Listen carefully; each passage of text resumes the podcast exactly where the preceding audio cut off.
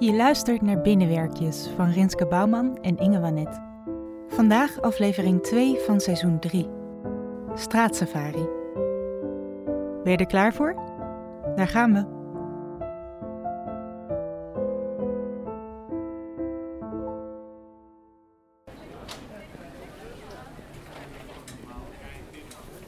Ik zou nog even opzoeken wat voor bomen er in mijn straat staan. Het zijn platanen. Hun schors barst en hun bladeren lijken op die op de vlag van Canada. En blijkbaar is hun hout heel geschikt voor hakblokken voor slagers. Het waait zacht en het ruikt naar niks.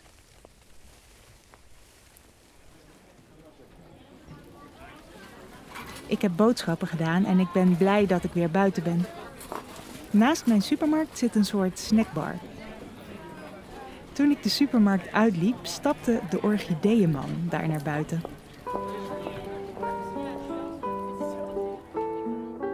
Ik denk dat hij ergens in de tachtig is.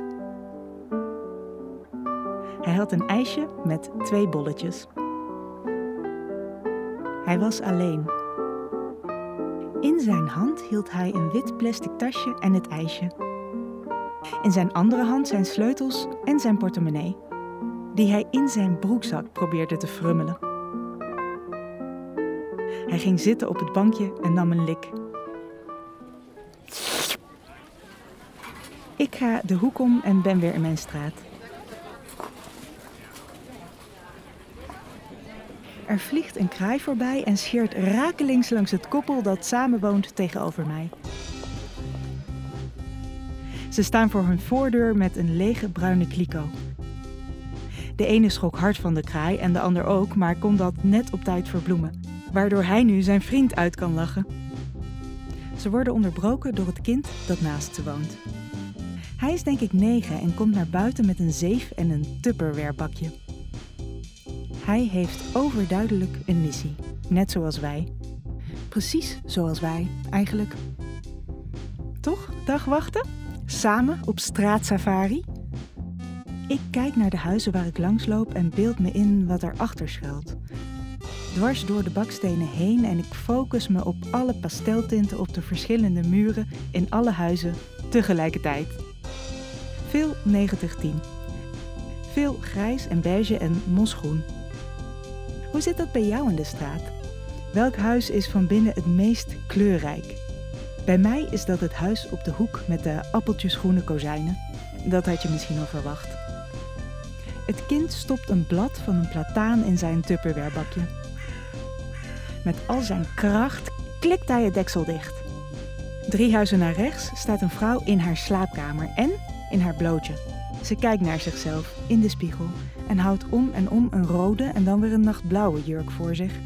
Ze kan niet kiezen. Ze hoeft niet te kiezen. Ze gaat nergens heen. Onder haar woont een jonge vrouw die altijd achter haar laptop zit. Ze wiebelt met haar voeten. Twee huizen terug, naar links, zit een elektricien achter een computer.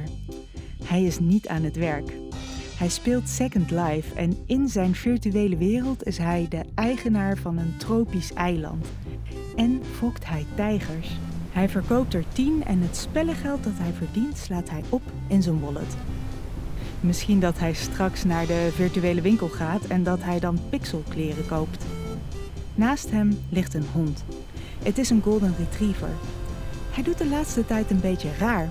Hij hapt. Hap. Dat doet hij normaal nooit. Dat doet hij normaal nooit. Ah, dat doet hij normaal nooit. Het kind zeeft zand en er blijven dingen achter. Het tuutje van een aardbei, een takje. Zo'n wit dingetje dat een broodzak dicht houdt en dat niemand ooit herbruikt. Bizar eigenlijk dat alles in de wereld altijd tegelijk gebeurt. Terwijl ik dit denk, ga ik zitten. Vanuit mijn raam kan ik de blote vrouw rechtsboven goed zien. Ze ziet mij niet.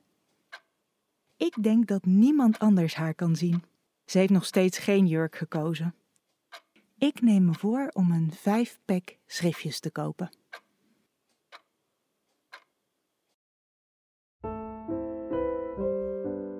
Luisterde naar Binnenwerkjes van Rinske Bouwman en Inge Wanet.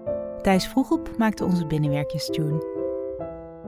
Vond je het mooi en wil je ons steunen? Ga dan naar www.binnenwerkjes.nl.